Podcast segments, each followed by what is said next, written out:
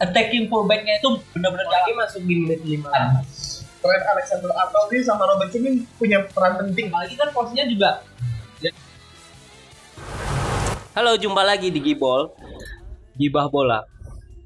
Eh, kali ini gua akan ngomongin bola sama dua temen gua. Di sini ada Arkelin. Halo, Kel. Halo. Dan ada juga Muksin Sulaiman. Halo. Halo. Nah, keduanya ini nggak keduanya sih. Kita semua ini nggak ada yang dukung Liverpool sama Tottenham sih sebenarnya. Sama sekali enggak. Cuman kita mau ngomongin aja gitu kan. Kebetulan. Kebetulan aja. Karena gue juga pengen tahu. Kalau kemarin gue ngomongin kenapa sih Liverpool, kenapa sih Tottenham di episode sebelumnya. Di episode ini gue pengen tanya sama teman-teman gue. Apa sih sebenarnya yang dilakukan saat pertandingan? Bener nggak sih yang diinginkan sama pelatih itu terjadi di lapangan gitu kan?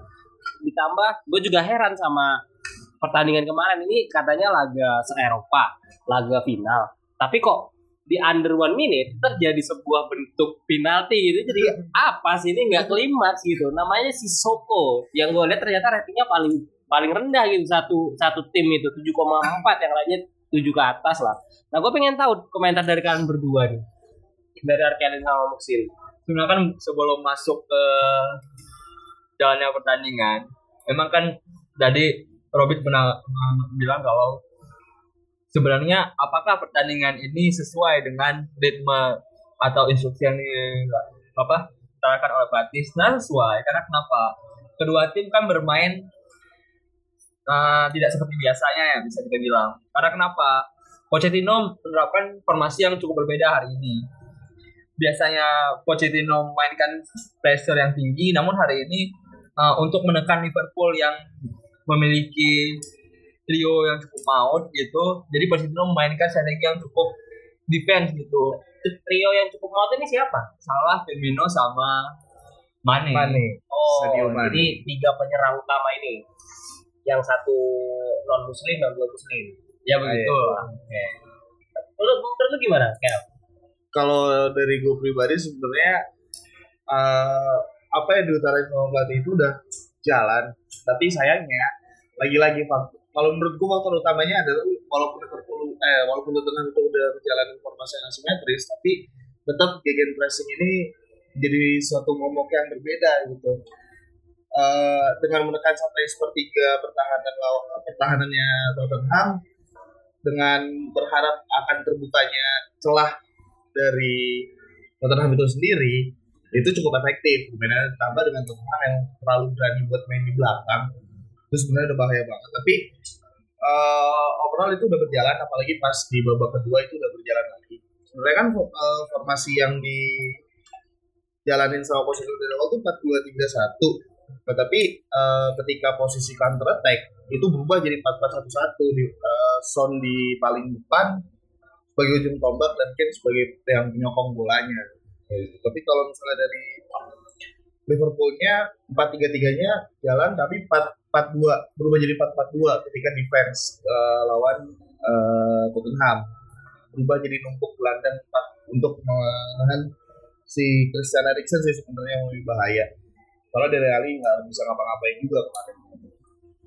Kalau gue sih kemarin gue nggak ngerti pertahanan sepak bola itu gimana. Gue taunya nyerang-nyerang aja, ya kan. Yang gue lihat dari Tottenham sama Liverpool itu eh, apa ya? Kayak keduanya sih nggak punya mental juara aja. Mental pecundangnya aja yang lebih kuat yang mana. Soalnya gue nggak ngerti cara mereka ngebangun serangan itu nggak asik gitu loh. ya Ya dibandingkan sama Liverpool lawan Barcelona, itu Liverpool lebih gue lebih lebih enak gitu ngelihatnya. Tapi Liverpool yang lawan seorang Tottenham yang ternyata Tottenham itu kebanyakan main di belakang, gue nggak tahu apa emang itu strategi yang bagus atau kalau gue sih enggak, kok malah takut-takut amat gitu loh. Ditambah lagi waktu Tottenham dapat bola sampai di tengah lapangan ke depan itu selalu ada sepersekian detik lebih lama dia itu nahan bola entah karena bingung atau karena pemain Liverpoolnya jago banget ngejaga wilayah dia gitu. sebenarnya kalau pertandingan kemarin itu lebih kita membacanya tuh lewat sisi defense-nya.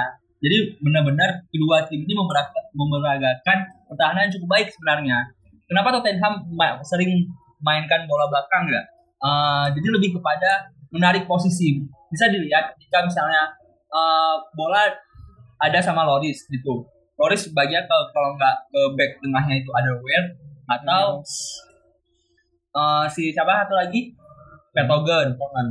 Jadi itu upaya buat narik tiga striker Liverpool buat maju ke depan untuk pressure sehingga Norris kemudian menginginkan kepala lambung ke atas dengan harapan Ken-nya ini bisa nyundul bola. Sehingga second ball nanti ada sama Son Son sama Ali. Ali juga ya. Tapi sayangnya bola yang atas itu kalah mulu. Karena kenapa? Duet back Liverpool ini tinggi semua. Ada Joel Matip sama Bandai. Dua back tersolid di final sih. Sebenarnya ada yang yang gue lihat itu kalau dari uh, performa uh, tim Liverpool itu ada satu orang yang katanya ada salah satu orang yang ngomong namanya Iqbal Asnawi dia bilang uh, kalau Van der Van siapa namanya? Virgil van Dijk. Virgil van Dijk. Itu salah satu defender modern Kak, hari ini lah ya yang gue lihat juga dari setiap pertandingan kalau melihat statistiknya itu setiap pertandingan dia itu memenangkan empat hampir lima duel udara gitu. Jadi kalau misalnya Van Dijk emang lebih ke sebenarnya gue setuju juga sih kalau misalnya itu dari eh, bentuk bentuk form dari seorang back yang modern banget dengan udah tinggalin Lindelof dari kapan tahu dan sebagainya ya. Van Dijk ini salah satu back yang memang lengkap terlebih karena memang posturnya yang tinggi besar. Jadi wajar aja sebenarnya kalau misalnya dia menangkan aerial duel, uh, aerial duel itu uh, menguntungkan 4 sampai 5 setiap pertandingannya tapi yang jadi catatan itu yang lebih penting menurut gua adalah ketika menurut gua ketika ada seorang back yang memang badannya tinggi besar yang otomatisnya kebanyakan ya di mana mana itu dia uh, gampang mudah untuk dilewatin gitu. Ketika satu lawan satu ketika posisi lawan satu lawan satu tuh uh, ketika lawan melakukan step over itu lebih baik. Uh, tapi pembacaan bola dari Van Dijk ini bagus. Itu kenapa yang buat dia lengkap. Dan juga dia satu-satunya back yang selama 64 per- eh, 64 pertandingan yang dia jalani di seluruh kompetisi itu nggak ada satupun pemain yang berhasil ngalahin dia. Oh ya? Nggak ada sama sekali. berarti jago banget dong Berarti emang lagi top form banget sih, confirm banget dia sekarang. di on fire di, Lagi on di musim ini lagi bagus banget Lagi bagus banget, emang lagi bagus banget nggak bisa dipungkiri. Dijk lagi bagus. centang ke atas lah itu Iya. centang ke atas Pembacaan bola baik, positioningnya baik, dan markingnya juga bagus. Dan dia juga bisa lari. Itu sih baru itu poin plusnya di situ. Ketika kebanyakan kebanyakan back back itu eh, lakukan step over, yang takut tuh eh, kalau misalnya back back tuh lawan kayak Messi, lawan CR, Aguero, karena mereka dengan mudah bisa ngelewatin menggunakan kecepatan mereka. Tapi ketika bertemu dengan Van Dijk itu beda ceritanya kali ini. Bahkan seorang Lionel Messi aja yang katanya alien itu nggak bisa ngelewatin Van Dijk. Van Dijk ini central defender ya Central defender. central defender kalau di di Tottenham ada nggak dia punya back yang sebenarnya kalau di Tottenham itu kan mereka kan maininnya tuh ball playing defender. Ball playing defender itu ada ada Webb sama Vertonghen tapi sayangnya yang sebenarnya jadi pertanyaan itu kenapa Pochettino itu masang jangkarnya itu Harry Winks Itu bukan yang- Eric Dyer. itu yang jadi penasaran. Itu yang jadi penasaran. Justru gue gue bingung kenapa ya? Jangkar itu maksudnya gimana? Gelandang tengah. Gelandang gelandang yang uh, kan ada empat backnya ada posisi empat back satu dua tiga empat. Itu yang di depan back satu satu posisi depan back itu gelandang fungsi utama dari gelandang itu apa gelandang apa ya dulu. Gelandang apa dulu. Kalau kalau- kita bahas nah Harry Wing itu kalau di FM itu posisinya itu di eh, lebih pada di playing sih sebenarnya. Di playing playmaker. Tapi masih eh, kemungkinan sih Pochettino lebih melakukan eksperimen dengan karena melihat tiga gelandang yang dipasang oleh Liverpool ini. Ada Fabinho, Naby Keita, sama di Wijnaldum Wijnaldum Oh Wijnaldum ya, Wijnaldum sama Henderson Mbak Henderson itu kan tipikal box to box sama ball winning ya. Nggak ada tipik uh, pemain yang advance playmaker. Tapi makanya dengan uh, Pochettino melihat peluang dengan masang Harry Wing sebagai di playing playmaker bisa uh, minimal itu memberikan akurasi umpan lah di tengah. Namun sayangnya Harry Wing gagal menjalankan peran tersebut. Sangat sangat gagal sih kalau menurut gue justru kalau misalnya gue jadi posisi Pochettino gue bakal naruh Eric Dyer sebagai uh, defender uh, midfield DMF sorry. Defender apa defense midfield defense. midfielder. Itu benar-benar posisinya di, di belakang back gue uh, gue lebih milih buat narik uh, si Dele Ali uh, Eric Dier ini buat di belakang di- dia di depan back terus ada di depan ada Sissoko terus ada uh, Tristan Eriksen yang buat dari CMF tapi role lebih ke attacking midfielder sebenarnya jadi penyeimbangnya itu menurut gue lebih setuju Sissoko Iya. dia bisa buat jadi box to box dari kanan dari lari dari kiri ke kanan lapangan terus lari ke depan ke belakang ambil bola jemput bola dari Eric Dier itu gue lebih suka Sissoko sebenarnya Nah mungkin harapannya kan Pochettino ini kan masang Harry Winks ini buat jadi deep playing ya, deep playing playmaker.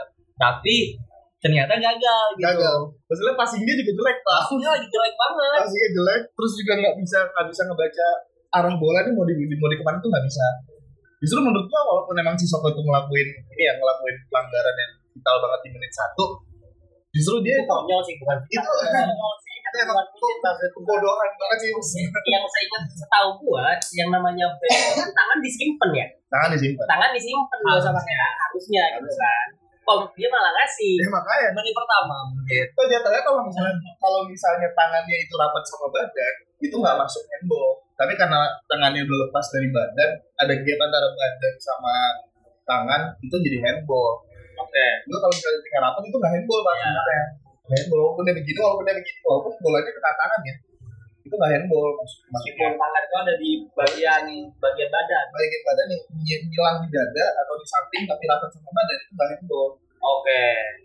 Jadi keputusan wasit itu memang benar, benar. Memang emang benar Emang emang. tepat. Nggak kontroversial. kontroversi. Tapi sekarang menarik juga sih kalau ngebahas dari kenapa Liverpool ini bener, eh, strateginya cukup berhasil itu kenapa? Karena attacking fullbacknya itu benar-benar jalan. Trent Alexander Arnold ini sama Robertson ini punya peran penting. Peran penting Punya peran penting. banget. Apalagi kan posisinya juga ya duet back Tottenham ini kan wingbacknya ini si Trippier sama Trippier sama Danny Danny Rose. Agak kurang. Hmm. Trippier back backnya lemah banget. Sangat buruk dia nggak mau mundur sama sekali sebagai seorang wingback ya. Beda kalau misalnya posisinya fullback. Iya. harusnya kalau menurut bagi gue kenapa nggak masang Aurier itu cukup jadi pertanyaan juga sih kenapa masang Trippier Maksudnya terlalu, terlalu berani buat lebih mainin apa ya eksperimen. eksperimen Nah, sih ya lu ketika harus lu main squad ini di fase grup ya atau sampai per enam- eh, 16 besar itu masih boleh lah tapi kalau misalnya ini final cuy maksud gua. Lu dengan maksud lu, lu, lu, mau bilang kalau potensi ini salah hitungan gitu. lebih ke melakukan eksperimen soalnya banyak pemain-pemain yang memang seharusnya menjadi starter. Oh, jadi dia malah menempatkan orang-orang juga. Jadi iya yang, pasar yang di pasar di situ. untuk dibahas di situ. Mak- maksudnya apa untuk untuk melihat gimana sih eh, cara bermain Liverpool di babak pertama gitu. iya bisa jadi apalagi dengan misalnya kalau misalnya empat tiga tiga empat empat tiga tiga Liverpool ketika lagi pressing ke depan kan ada gap tuh. Betul tadi kata musim ketika bola di Loris itu ada gap antara penyerang depan yang terlalu maju sama eh, gela- tiga gelandang tengah tuh yang terlalu lebar. Jadi gapnya lumayan banyak. Di situ harusnya ada Harry Winks di situ. Kalau nggak kalau nggak ada Alderweireld sebagai untuk narik back kayak untuk narik eh, salah mana atau Firmino itu dua dua dua fungsi orang itu. Nah di tengah itu kan harusnya ada Harry Winks ngambil Iya. bola gitu Oke. jadi kan ada gap gap pemain besar loh semalam yang memang harus dimanfaatin ya. Tapi Harry Winks gagal. Oh ketika dia dapat bola passingnya tuh lemah banget sebenarnya. Sama sekali pak passingnya justru si Papa yang lebih ini yang lebih apa namanya? Lebih dapat feelnya. Yang lebih sempurna walaupun emang dia melakukan pelanggaran bodoh ya tapi di, di pertandingan itu jauh lebih baik daripada Harry Winks sebenarnya karena mungkin kenapa si Soko juga cukup bagus ya penampilan semalam itu kan kita bisa melihat juga pas jadi kan ma- main timnas Prancis juga. Oke. di timnas Prancis kan dia kan juga dipasang sebagai box to box. Nah. posisinya. Yang sama Matuidi. Ya duet sama Matuidi. Itu kan di final lawan Kroasia kan. Prancis lawan Kroasia. Maka bisa kita bilang ya Soko cukup bagus lah selama menjalankan apa, tugasnya. Namun juga cukup menarik ketika Eriksen sih sebenarnya yang bisa mati juga. Erikson mati. Hampir penyerang depan Tottenham tuh yang yang yang memang on formnya cuma Son doang. Son doang Ini efek dari eh, Tottenham yang emang nggak punya mental atau Liverpoolnya ini tiga gelandang Liverpoolnya ini jalan. gue lebih lebih lebih setuju ke emang posisi defense-nya itu jalan soalnya yang tadi gue bilang ketika nyerang ketika lagi nyerang tuh uh, dia emang mulai empat tiga tiga. Tapi ketika mundur tuh jadi empat empat dua. Dan hampir nggak ada gap antara back sama defender. Maksud gue pada akhirnya itu kenapa kalau misalnya nonton pertandingan full semalam itu di uh, kotak penaltinya Liverpool itu selalu penuh pemain. Bahkan crossing crossing itu mental beberapa kali ya. Itu karena memang dari 4-3-3 mundur ke 4-4-2 bahkan salah salah mundur nih. Kalau nggak salah si Winaldum yang lebih ke mana-mana.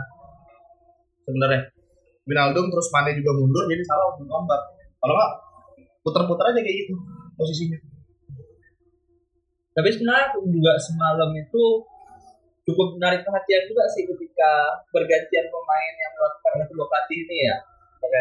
Bagi gua di poin ini Klopp menang. Karena kenapa? Dia masukin pemain-pemain yang benar-benar dibutuhin. James Milner James Milner pertama, yang kedua Origi yang cetak gol. Origi masuk di menit 58 Origi Origi. iya 58 ya 58. 58 Dua. tapi Joseph Gomez yang sebenarnya nggak main nggak nggak punya peran penting itu Ya mungkin Joko cuma karena nambah stamina aja 16 stamina aja. nambah stamina tim Lalu lumayan lah nambah-nambah ini pengalaman juga kan final. gue kayak sebenarnya eh, posisi pemain yang yang eh, substitusi yang paling penting tuh sebenarnya gue lebih ngeliat James Milner yang lebih versatile gue dia pemain salah satu gelandang dengan kemampuan yang baik ya maksud gue dia bisa jadi gelandang tengah bisa dia bisa jadi CMF dia bisa jadi sayap kanan dan kiri bisa bahkan bisa jadi back. Ya James Milner dan emang salah satu orang Inggris yang uh, tetap pakai sepak bola Inggris kick and rush. Main cepet. Bola di kaki dia nggak pernah dan passing-passingnya cukup bagus dia hampir bikin gol malah malam posisinya. Tapi daripada semua pemain gue lebih respect sama ini sih eh, si kipernya Liverpool. Alisson Becker. Alisson Becker keren banget sih itu dia. Penyelamatannya top banget gitu sebenarnya uh, di babak kedua Liverpool itu cuma possession bolanya 35 persen pak. Iya. 65 persennya Tottenham. Walaupun lebih dan itu lebih banyak di belakang. Kan lebih banyak di belakang. Di depan juga. Di depan, di depan juga nggak bisa ngapa-ngapain gitu pas di depannya. Dan tapi si ini juga bagus. Eh maksud gua penyerang penyerang Tottenham juga bagus. Maksud gua si Alisson Becker itu cukup sibuk lah dengan 8 save. 8 save yang memang shoot on target ya maksud gua. Walaupun kayak si siapa yang offset sekarang Son yang offset yang sempat keluar terus shoot shoot jarak jauh itu di tepi sama dia itu bagus lah tapi cukup sibuk lah di kedua ini si Alisson Becker dan on form banget sih parah Nah kalau gua rasa juga ini kan faktor kedua tim ini kan sama-sama dari Inggris. Jadi kan udah sempat bertemu dulu di liga pastinya dong. Karena udah sering ketemu lah, udah paham lah satu permain antara uh, permainan yang satu dengan yang lain sehingga bisa gua katakan bahwa final semalam itu lebih kepada uh, kedua pelatih ini men- mencari kesalahan kelemahan dari masing-masing lawan gitu. Beda dengan misalnya final tahun kemarin Madrid Liverpool. Kedua pelatih sama-sama menonjolkan kelebihannya. Oke. Ya kan, misalnya sebelumnya juga ketika Madrid ketemu sama Juventus. Benar-benar kedua tim ini main benar-benar apa? eh, jatuhnya itu saling menunjukkan kelebihannya misalnya sepak bola kick and Liverpool ya kan kemudian juga bagaimana misal contoh ketika Barca lawan Juve kita kayak Barca ataupun kita ngambil contoh Chelsea dengan Munchen parkir busnya Chelsea gitu. Tapi ketika misalnya emang kedua tim in, uh, yang tim yang tampil di final ini sama-sama dari satu negara ini lebih kepada eksperimen aja sih sebenarnya. Jadi jatuhnya itu benar-benar permainannya agak berbeda. Contoh kita ngambil final uh, 2017 antara Real Madrid dengan ATM yang hasilnya itu adu penalti. Menang Madrid 5-4 kan pada pertandingan itu sebenarnya anti klimaks juga. Banyak orang bilang anti klimaks. Madrid uh, uh, tampil nggak kayak biasanya malah cenderung bertahan. ATM-nya kebingungan ketika ATM megang bola. megang bola. Walaupun ada satu kosong waktu itu posisinya. Ya dikejar sama Ramos menit 94 enggak itu yang oh itu yang di 2000 yang di oh iya iya gue ingat gue ingat. Itu yang pertama ini yang kedua. iya penalti penalti. Yang penalti yang Iya, yeah. ya iya. Iya yang penalti yang ini minta maaf. Ya, makanya kan itu lebih kepada makanya ketika al, satu tim eh dua tim dari satu negara itu bertemu memang bakal menghasilkan final antara anti klimaks. Karena kenapa? Kedua muncul juga gitu Dortmund muncul juga gitu dua yang skor dua satu. Jadi kedua tim ini lebih kepada karena udah tahu sama-sama kelemahan satu sama lain, jadi mencoba untuk nunggu mana celah lu mana celah lu, bukan malah ny- nyerang. oke Dan dua-duanya sama-sama main bertahan sih. Iya. Liverpool juga semenjak menang 1-0 itu enggak intensitas penyerangannya juga berkurang. Lebih sering attack. Begitu juga si Tottenham walaupun juga sering di belakang. Counter attack-nya nggak bisa ngapa-ngapain juga mati di tengah gitu. Dan iya sih gue ngeliat uh, Tottenham itu apa sih membangun serangan itu jadi mentah banget Iya. masuk ke tengah dapat bola kalau nggak mundur diam di tempat gitu loh dan gue ngeliat Ujungnya salah passing. ujungnya salah passing ke intercept gitu atau passing tapi nggak nyampe dan gue ngeliat Liverpool tuh mainnya padet banget rame itu kayak lebih dari 11 pemain ya. itu fungsinya zonal markingnya itu. Jadi atau jangan-jangan ada 12 sisanya masuk Liverpool di awal-awal ya. Gue lebih suka zonal markingnya sih itu karena faktor zonal marking. Mereka nggak nggak main mereka nggak main pemain tapi mereka jagain area-area sekitarnya. Se- eh, jelajah pemain Tottenham tuh sampai mana aja itu yang dia jagain sebenarnya. Lebih ke contoh ketika Trippier eh, lagi eh, nyerang lagi naik lagi lagi naik ke atas menyerang ke paparan Liverpool itu si Robert itu lebih menunggu buat di tengah lah jadi misalnya bola dari tengah dari tengah tuh oper ke sisi kanan kan. Robertson tuh nggak ngejagain dia uh, satu lawan satu enggak tapi lebih ke tunggu di tengah dan motong bola di situ. Itu yang pada akhirnya lebih buat uh, pemain Liverpool tuh ada di mana-mana sebenarnya. Tapi bikin passingnya dia sih. Jadi kesimpulan lu sih uh, uh, Tottenham itu banyak kekurangan. Sebenarnya Tottenham untuk strategi Pochettino cukup bagus. Oke. Tapi kekurangannya adalah masih banyak kepingan-kepingan puzzle yang harus dilengkapi oleh Tottenham. Seperti mereka harus punya gelanda apa gelandang tengah yang punya akurasi paling baik. Terus gue setuju sama Arkel mereka harus punya nomor 10 Ben- benar-benar pemain bernomor 10 yang punya kemampuan untuk memecahkan kebuntuan sama kalau boleh jujur satu lagi sih. Bek kanan sih kalau boleh bek jujur kanan bek kanan. Agak rusak soalnya Trippier Trippier ini formnya jatuh banget semenjak Piala Dunia. Lah gue ngerti kenapa ya. Satu-satunya pemain yang paling kelihatan dia nervous untuk panggung itu Trippier itu benar-benar nervous. Jadi ketika lu main nervous tuh kan kayak lu canggung gitu Iya. ngoper ke mana ngoper ke mana kok ngapain megang bola bingung sendiri. Jadinya itu Trippier sih track backnya juga jelek banget hancur banget. Trackingnya nggak gimana gimana juga. Nggak nggak nggak ngebahayain si siapa? Robertson. Itu Robert Robertson ini sedikit ngingetin gue sama Beckham sih dari teknik dia crossing ya. Lengkungan lengkungan badannya sama eh, apa nendang nendang bola itu pakai kaki bagian dalam kan yang ketempel sama pertengahan kaki jadi ini telapak kaki. Akurat banget bola-bola itu benar-benar melengkung banget Pak. mirip-mirip Beckham sih gue ngingetin nginget, nginget Beckham pas di umpan padahal main full city loh main Blues itu yang tahun 2012 itu dia nggak punya pekerjaan sama sekali Pak. dia di nganggur nganggur dia nganggur kan dia divisi 3 divisi Oke. divisi 3 sekolah sekolah dia sebelumnya ke Hull City ke Hull City terus degradasi dibeli sama Liverpool baru naik tapi emang gila sih Robertson ini Robertson sama Alexander Trent sih yang menurut. Eh, attackingnya bagus, track backnya bagus juga lebih taktikal ini taktikal mereka berdua sih sebenarnya Dijk sama Joel Matip ini emang solid sih. Joel Matip sih yang sebenarnya berhasil ngelengkapin dari si Dijk maksudnya duetnya pas lah. Soalnya kalau misalnya final tahun lalu kan Pandek sama Lord of Red. Aduh. Yang akunya back paling bagus di dunia. Itu Dejan Lovren yang nggak bisa ngapa-ngapain juga sebenarnya tadi Joel Matip sih fan Joel Matip ini jadi orang sih. Sekarang entah karena emang lawan Liverpool atau eh lawan itu tenang gimana ya tapi dia on form sih. Beda. Mantan wonderkid soalnya. Mantan. Mantan. Tapi lu bingung gak sih sama kayak sebenarnya Harry Kane nih yang yang beberapa tahun ke belakang lima tahun ke belakang nih on form lah maksudnya formnya bagus lah. Eh shootingnya bagus powerful terus curve shotnya juga bagus tapi di sini justru nggak bisa ngapa-ngapain. Sebenarnya lebih ke ini kalau gue lihat ya Harry Kane ini memang belum punya mental ya kan dia kan sebelumnya kan dia kan belum pernah ngangkat piala juga. Iya sih. Belum pernah main di final juga. Belum. Oke. Dia jadi kapten Inggris juga nggak bisa ngapa-ngapain ya nggak bisa nyemangatin banget dia kan di pas semifinal lawan Kroasia juga Harry Kane juga. Jelek mainnya iya sih. Harry emang Kane. masih belum punya mental. Punya mental Harry Kane. Makanya agak sangat disayangkan sih kalau Madrid jadi beli Harry Kane ya Harry Kane bukan nggak usah lah ya Nggak usah. lihat lah ya Nggak bisa ngapa-ngapain. bisa ngapa-ngapain. Masih kalah sama Benzema sih. Bukan jawaban yang tepat untuk ganti Kane. Enggak, enggak sama sekali enggak. kalahkan jauh kelasnya gua gua kasihan sama si Heung-min Son aja sih sebenarnya. Dia keras parah banget.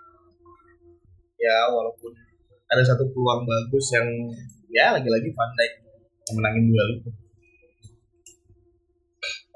Kita udah ngomongin panjang lebar. Gua mau denger kesimpulan dari kalian. Nah, terutama lu yang tidak eh, punya tim yang sedang bertanding hari ini, dan juga ya kan Liverpool dan juga dan lu lebih memilih yang mendukung Liverpool dan lu lebih memilih Enggak Sin. mendukung Tottenham. nggak dukung Tottenham, nggak dukung Tottenham juga.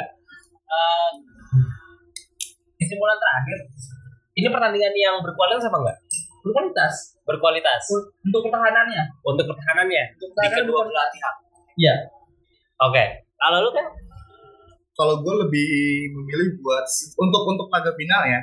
Ini eh, nggak nggak berkualitas sih. Bahkan banyak eh, kalau lu lihat di sosial media kayak tweetnya Sportskida atau eh, Bible Football itu kayak mereka tuh bilangnya kayak ini final terburuk soalnya emang hype hype finalnya tuh nggak dapet sebenarnya kayak mem- memang harusnya kedua tim ini saling jual beli serangan counter attack cepat serangan bagus tiki taka dan lain sebagainya itu nggak ada di final ini Mungkin karena gini juga, karena kan sebelumnya kita udah dipertontonkan sama pertandingan-pertandingan dramatis ya.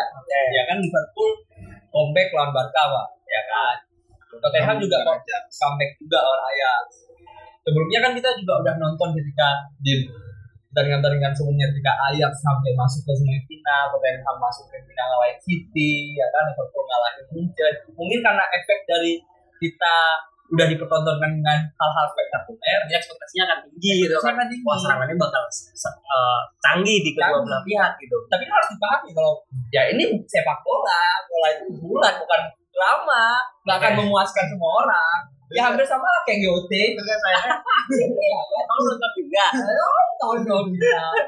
Tapi saya saya apa ya maksud gua nggak nggak anti klimaks saja Iya. ini salah, eh, kalau secara dirangkum secara keseluruhan itu salah satu UCL terbaik lah gitu. banyak banyak uh, comeback comebackan serangan serangan baik pertandingan pertandingan berkualitas tuh ada di sini yang memang dijual sampai Champions League tapi di puncak ini jadi anti klimaks kok Nah, secara secara keseluruhan UCL ini terbaik. Salah satu yang terbaik Salah satu. Dari dari dari masuk grup ke 16 besar ke 8 besar sampai ke semifinal tuh eh, emang yang dijual Champions League tuh kayak gitu Oke. Jadi ada ada suasana yang kebangun dan cukup baik. Cukup Kompetisi baik. yang yang, yang terbangun. iya Cuman minusnya cuma satu di finalnya. Indonesia di finalnya pak jadi kayak aduh kurang apa ya kalau misalnya Tottenham itu lebih kreatif lagi di tengahnya mungkin akan jadi hal yang berbeda Iya.